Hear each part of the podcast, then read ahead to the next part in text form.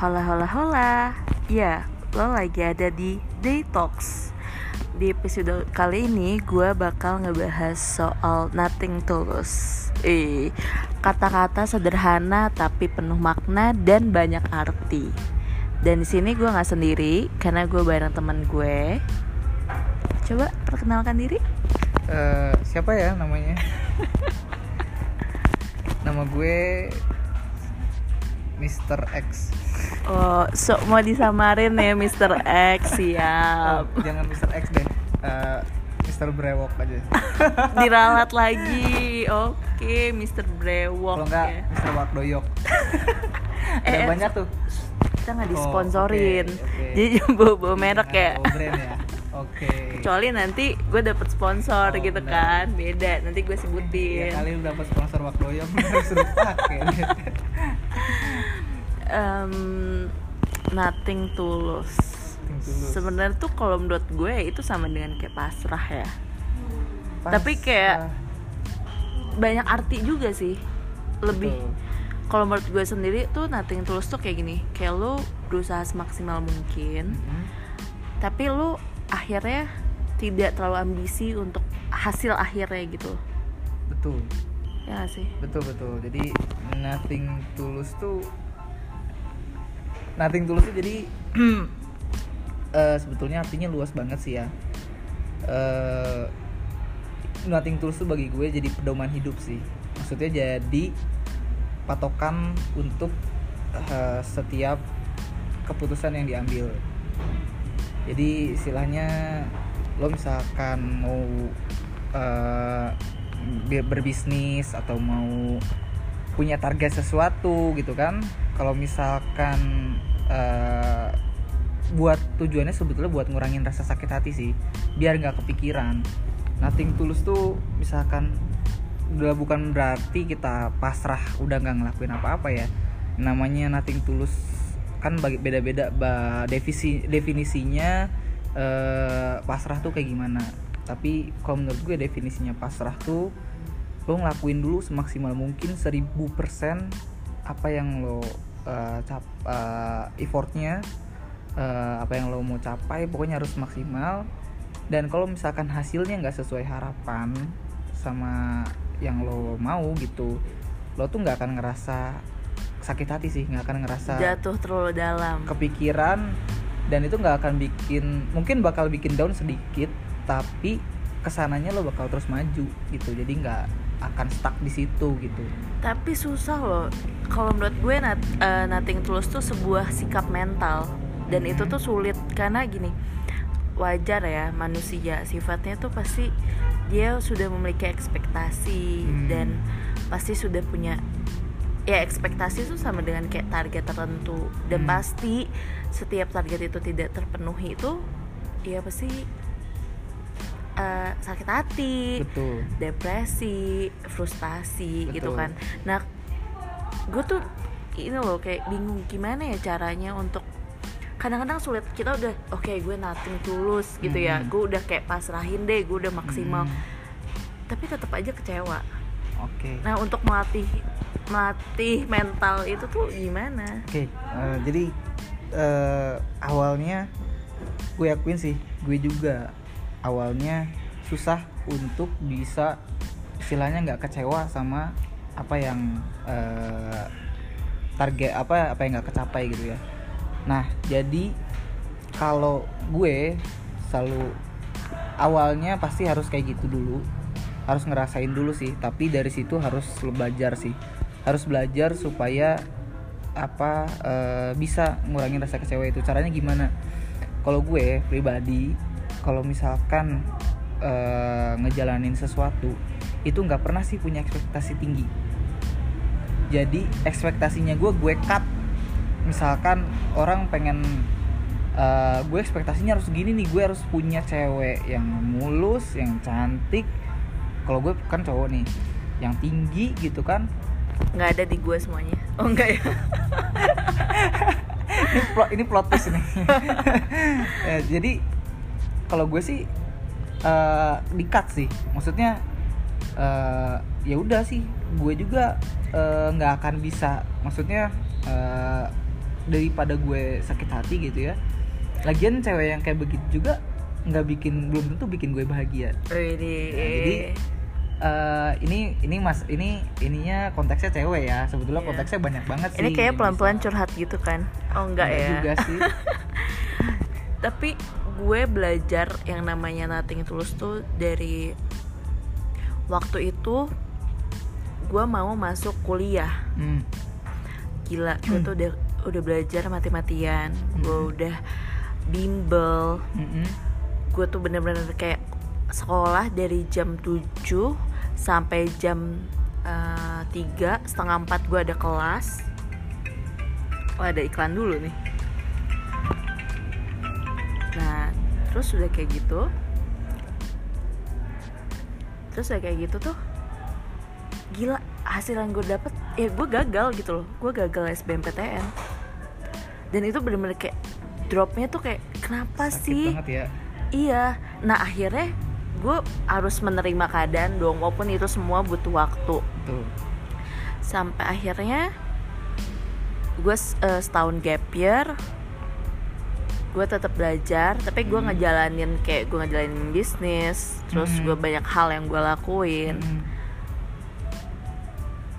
Pada akhirnya tuh kembali lagi ke skenario Tuhan tuh emang udah yang paling terbaik. betul betul betul setuju sih jadi kalau misalkan ya gitu ya sesuatu yang kita kejar-kejar banget kadang-kadang alam tuh nggak ngedukung semesta tuh nggak ngedukung kenapa ya memang jalannya Tuhan kita nggak ada yang tahu jadi eh, hidup itu kan misteri ya istilahnya Tuhan tahu yang mana yang terbaik buat kita sedangkan kita kan nggak tahu apa yang terbaik buat kita Dan malah kadang saat kita mengejar-ngejar itu tuh kayak Mm-mm. kok susah dapet betul setelah kita nating tulus itu akhirnya datang sendiri gitu loh Tuh.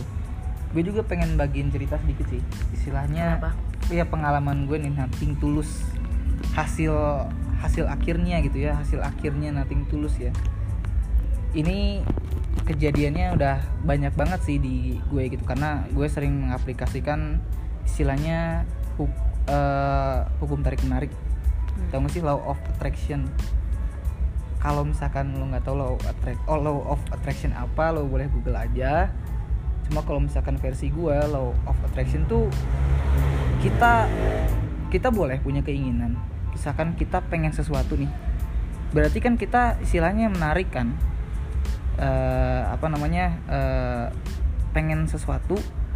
Nah kita tuh Berusaha untuk dapetin ya, itu. berusaha untuk dapetin itu gitu tapi semakin keras usaha yang kita kasih usaha yang kita lakukan semakin kita tarik gitu nah ya. semakin kita tarik kadang-kadang alam nggak ngedukung nah kalau di law of attraction ini itu caranya lo tuh bayangin aja sih.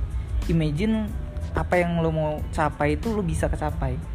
Nah pada saat lo udah bisa visualisasi udah bisa ngebayangin apa yang lo mau dapetin lo tuh nggak usah punya ekspektasi untuk ngedapetin itu gitu. Jadi lepasin aja gitu. Jadi lo punya punya udah udah ngebayangin udah ngebayangin kalau bisa lo bayangin setiap hari. Itu setiap setiap lu punya waktu luang misalkan lu nggak punya kerjaan nih lu boleh visualisasi kalau misalkan lu udah kira-kiranya udah sering terus semakin sering lu visualisasi jangan sering jangan semakin sering lu kepengen dapetin hal itu. Tapi karena lu udah ngerasain hal itu di visualisasi semakin lu nggak pengen hal itu. Jadi pas ada pas saat lu nggak pengen hal itu justru hal itu tuh datang sendiri ke kita. Itu yang disebut kayak latihan ini ya alam bawah sadar. Ya mungkin eh, bisa jadi. Iya kan? Itu kayak Mm. Akhirnya alam bawah sadar kita yang menuntun ya jadi eh, gerak kita gitu semesta loh. kita yang akan eh, ngegiring kita ke arah yang eh, baik sih. Maksudnya ke yang paling baik yang Tuhan yang tahu gitu kan. Bakalan digiring ke sana gitu. Jadi contoh lah ya. Contoh dulu gue itu pengen jadi pemain bola nih. Dulu. Gue latihan setiap hari latihan udah kayak minum obat tiga kali sehari. Pagi latihan siang latihan sore latihan gitu kan. Tapi karena bukan jalannya padahal gue latihan udah tiga tahun segala macem. Gue nggak bisa berkembang di sana. Terus pada saat gitu gue nggak mikir sih maksudnya gue pasrahin aja gitu. Maksudnya gue udah udah lakuin apa yang gue suka gue udah ngelakuin passion gue Yang ta- terbaik yang gitu. terbaik gitu kan. Tapi lo tuh bakal nemuin sesuatu di jalan yang bakal lo nggak tahu itu siapa orangnya. Bakal nuntun lo maksudnya ngasih tahu oh lo tuh kayaknya harus ke arah sini. Kalau di gue itu om gue yang ngarahin ke situ. Jadi eh, kebetulan gue suka diskusi sama eh, om gue gitu. Jadi gue dibuka nih eh, dituntun. dituntun gitu. Maksudnya eh, dibuka istilahnya Pemikirannya. pemikirannya eh, kalau misalkan keputusan lo A lo bakal kayak gini kayak gini kayak gini. Keputusan B lo bakal kayak gini. Nah ini kan jalannya semuanya sebetulnya dari Tuhan. Mau entah itu om lo mau teman lo mau tante lo mau musuh lo.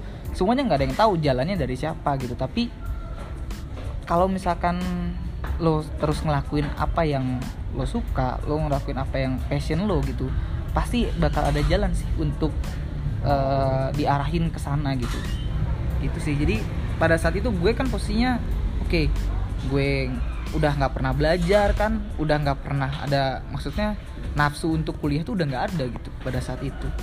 Dan ya surprisingly dapat kerjaan begitu aja gitu. Padahal gue belum lulus ijazah juga belum turun. Eh, baru lulus wisuda dua minggu gue langsung kerja sih pada saat itu. Terus eh, dari kerja situ gue banyak juga da maksudnya eh, make nothing tulus itu ke asmara. Ke asmara gue. Gue juga sering lakuin itu gitu. Oh, sama kok asmara gue juga nating tulus. Nah kalau asmara gue eh mau gue ceritain juga nih asmara nih. Atau nanti jangan. Next episode apa next episode. Tapi kok buat asmara sendiri kayak singkat ceritanya lu make nating tulus tuh pada saat saat apa gitu? Loh gini sih. Eh, yang gue rasain ya gue kenalan sama banyak cewek nih. Maksudnya karakternya beda-beda nih. Biasanya kalau misalkan cowok tuh eh, kenal sama cewek banyak banyak yang istilahnya ah kayaknya nih eh, kepengennya banyak gitu. Maksudnya oh, gue pengen sama dia gue pengen punya pengen pengen sama ini pengen sama ini gitu. Padahal ya belum Eh, tentu itu belum yang tentu orang juga. yang lo butuhin. Iya betul, belum tentu juga eh, itu tuh bakal membawa lu ke, ke istilahnya ke arah yang lebih baik. Ah, betul. Ke arah yang lebih baik juga gitu. Jadi pada saat itu gue kenal sama banyak cewek, tapi kan keinginannya orang, keinginannya cowok normal ya biasanya pengen ngiket dong, pengen pengen istilahnya dia pengen jadi milik gue dong gitu Iya. kan. Nah kalau gue tuh pada saat itu enggak sih istilahnya eh, gue nggak pernah minta eh, cewek yang gue kenal untuk gue ikat gitu jadi istilahnya gue kenal nih sama dia ya udah kita jalanin aja gitu nanti kalau misalkan emang kita ngerasa cocok sama-sama cocok ya baru kita eh, istilahnya bisa jalan ke next level gitu kan. Tapi gue nggak pernah ngikat dia misalkan kan biasanya kalau cewek terus aja dikejar kalau misalkan cowok nggak terus aja dikejar gitu kan. jadinya jatuhnya tuh obsesi. Betul terus kadang-kadang juga cewek ngerasa risih nggak sih kalau misalkan iyalah dikejar-kejar kayak gitu tapi ya misalkan ceweknya juga suka menurut gue nggak risih sih. Misalkan dikejar-kejar kayak gitu Kembali ya ada lagi senang ya, gitu kalau kan. demen apa Kembali- nggak demen, kembali berarti- lagi ke demen apa nggak demen. Jadi Nah. tapi bedanya orang yang nating tulus tuh kadang-kadang ketika kita nggak minta cewek untuk ngedeket atau kita ngikat kadang-kadang ceweknya sendiri yang Terikat. istilahnya nggak mau mau deket gitu. Ah iya. Karena ya aura yang dikasih sama kita. Pancarkan. ya, anjir. Aura bangke lah. Pokoknya sorry ya kalau omongan gue kasar. Memang gue orangnya kasar sih. Nah jadi eh, apa namanya? Tadi kalau misalkan auranya kita udah kena gitu ya istilahnya gue sama cewek tuh punya sesuatu yang ini loh yang nggak bisa dilihat tapi tapi bisa chemistry. ya. dirasakan. Itu namanya chemistry mungkin ya chemistry ya. Si cewek tuh dengan sendirinya berchemistry sama si cowok itu gitu. Cewek cowok cowok yang tanpa lo harus kasih effort yang banyak. Betul. Nggak nggak harus kejar kejar nggak harus Iya. apa gitu. Kadang-kadang itulah yang lo kalau bagi cowok ya cowok nggak usah capek-capek untuk ngejar. Tapi emang karena si cowoknya itu udah menarik bagi si cewek itu dan makanya si cewek itu mau uh, apa namanya istilahnya deket. Nah itu bisa menarik kayak gitu kayak gimana sih? Ya dari kepri- dari karakter lo karena karakter lo udah karena nggak mau ngikat ngerasa punya pengen punya kebebasan. Ya udahlah jalanin dulu kalau Iya, emang sama-sama si terbaik. cewek itu juga nggak ngerasa kayak yang apa eh, keikat gitu. Dituntut. Nah bahkan dengan sendirinya kalau misalkan dia memang tertarik sama lo dia tuh bakal bakalan sendirinya ngedeket Iya, gitu. sebenarnya di sini tuh kita ngejelasin nothing tulus tuh bukan berarti lo nggak jadi berusaha atau atau Salah jadi sih. kendor, tapi malah di sini tuh tapi di sini tuh kita malah gini, lo lakuin dengan terbaik, tapi lo lo harus bisa mengontrol ekspektasi lo karena Hmm, betul. sebenarnya yang menjatuhkan kita itu adalah ekspektasi kita sendiri. Setuju. itu sarang sarang apa ya sarang sakit hati terbesar yang ada di manusia tuh ekspektasi sih kayak lu mau apa lu mau apa? Boleh. Lu punya ekspektasi boleh. Tapi misalkan nggak kesampaian lu nggak boleh sakit hati men. Jadi Sudah yang- punya kontrolnya iya, gitu loh. istilahnya kalau misalkan lu punya ekspektasi lu tuh udah tahu lu bakal sakit hati. Hmm. ekspektasi tinggi sama dengan sakit hati. Udah itu sih. Tapi kalau misalkan lo ekspektasi makanya gue selalu bilang eh gue tadi bilang kan eh cut ekspektasi lo karena lo tahu gitu. Sebetulnya kemampuan lo tuh di mana gitu. Untuk saat ini gitu. Mungkin ke depannya kemampuan lo udah meningkat nih kemampuan dalam apa pun ya istilahnya gitu bisa di asmara di pekerjaan segala macem. Lu boleh deh ekspektasi lu tinggi gitu kan. Tapi ya itulah misalkan nggak kesampaian lu harus berani sakit hati men. Lo berani untuk logowo gitu ya? Ya jadi eh intinya? intinya kalau misalkan lo udah punya ekspektasi tinggi lo harus tahu sih lo bakal sakit hati. Nah misalkan lo nggak mau sakit hati ya udah lo jangan punya ekspektasi tinggi. Gitu aja sih sebenarnya simple. Nah pasrah tuh bukan berarti lo nggak ngelakuin apa apa gue mau pasrah lah. Nggak usah ngapa-ngapain juga. Yang penting kan eh, bakal kesampaian kayaknya kalau misalkan nggak gitu sih cara cara cara kerjanya nggak gitu malah pas satu yang lu udah berusaha banget. Ya udah berusaha banget. Udah apa namanya mencoba semampu lo terus lo nggak dapet ya udah. Berarti bukan memang bukan jalan lo lo lanjut jangan berhenti gitu sih. Dan ini tuh dari perspektif gue dan temen gue. Pro kontra itu biasa. Oke. Tapi tujuan kita ya sebetulnya pengen sharing aja sih ini yang cara gue biasa pakai di kehidupan gue sampai sekarang gitu. Kalau misalkan emang apa eh, bermanfaat nantinya buat teman-teman semua ya gue sih ikut seneng aja gitu. Tapi misalkan emang nggak apa eh, lo punya ah, cara lain lo ya punya cara okay. lain ya silakan silakan aja gitu. Cuman gue pengen kasih tahu aja sih kebetulan ini eh, si Dol ini pengen tolong ya. Pengen tahu gitu perspektifnya dari gue gitu. Jadi gue sharing lah gitu istilahnya gitu. Secara gue lebih tua cuy. Ya beda setahun doang ya. Jadi gitu teman-teman. Eh, kembali lagi ya karena sebenarnya se- sebelumnya kayak ada konten gue yang ya itu masih pro kontra kan. Jadi kayak wajar. Di sini emang kita ruangnya diskusi. Hmm. pro kontra itu kita terima. Wow. tapi jangan lupa untuk saling menghormati. Buat lo cara lo untuk nothing tulus ya beda-beda kan? Iya komen di bawah. Komen di bawah. Cara lo seperti apa untuk menghindari dari sakit hati atas ekspektasi sendiri? Iya. betul betul. Thank you juga udah dengerin kita. Mm-mm. ada pesan-pesan terakhir? Anjir pesan-pesan terakhir kayak sebelum gue cabut nih. Pesan terakhir ya. Ah istilahnya lo harus tahu sih passion lo tuh apa? Lo harus tahu apa sih yang mau mau lo lakuin di kehidupan lo sekarang gitu. Jadi jangan sampai eh orang lain yang bakal ngedikte lo untuk ngejalanin hidup lo lo jalanin hidup lo semaksimal mungkin lo jalanin hidup lo sebahagia mungkin sebebas-bebas mungkin dan kalau mau ekspektasi ya harus berani sakit hati